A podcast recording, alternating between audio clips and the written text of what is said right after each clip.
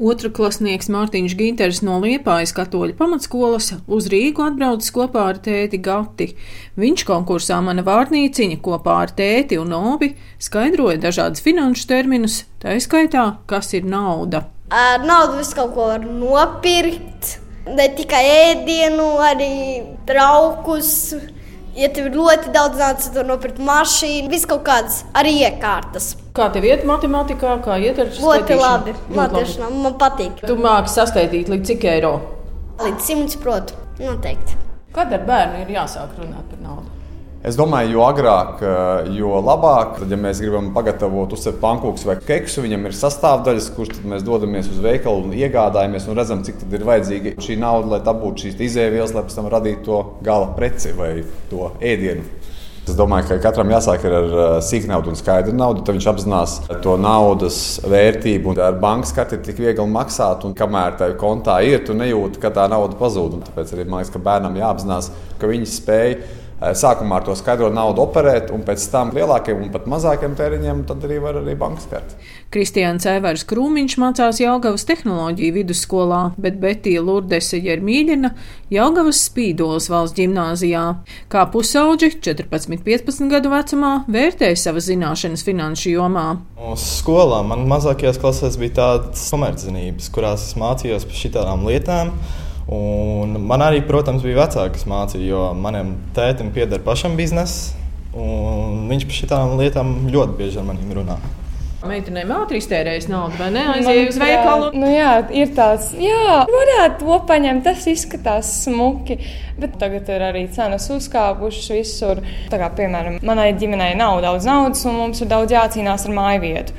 Tāpēc ir jādomā, lai mēs varam nomaksāt, piemēram, šo apartamentu, cik mums ir jādomā ēšanai, cik man paliks pāri, lai es to varētu iztērēt kaut kādās skaistās lietiņās.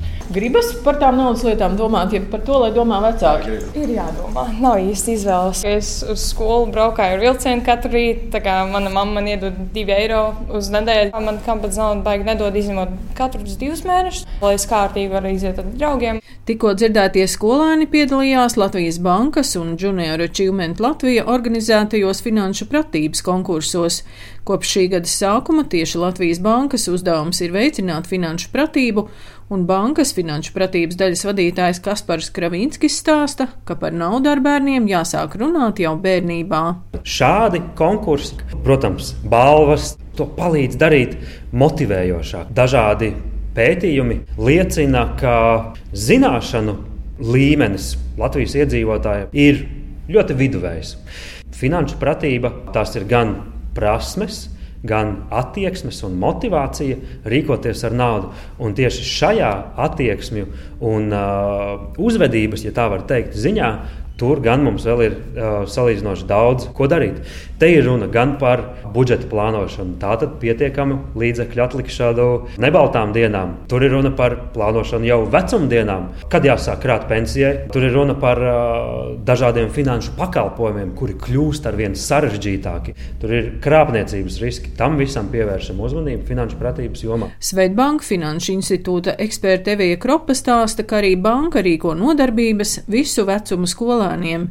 Jaunākie var piedalīties mazā finansista spēlē, bet no 4. līdz 12. klasē var darboties finanšu laboratorijā, kur spēlē ar izlaušanās elementiem iekļauta mācību viela bērni izpilda vairākas stacijas, vairākus ar finansēm saistītus uzdevumus, un it kā šķiet bērnam, ka viņš atnāca un izspēlēja spēli, bet patiesībā tās atziņas, ko bērni pēc tam iegūst, ir pilnīgi noteikti iespēja pēc tam arī izmantot, nu, praktiski rīkojoties arī naudu un galvenais pārdomāt, rīkoties jau pašam ar savu naudu. Jo, kā mēs zinām, pieļaut kļūdas it visi, bet ir ārkārtīgi svarīgi savukārt pēc tam, ko to ar to pieļauto kļūdu dari, mācies vai nemācies iemācies no tās. Un tas savukārt ir ārkārtīgi būtisks moments, jo ko dod, ja es zinu, kā ir jārīkojas pareizi, bet es nedaru to.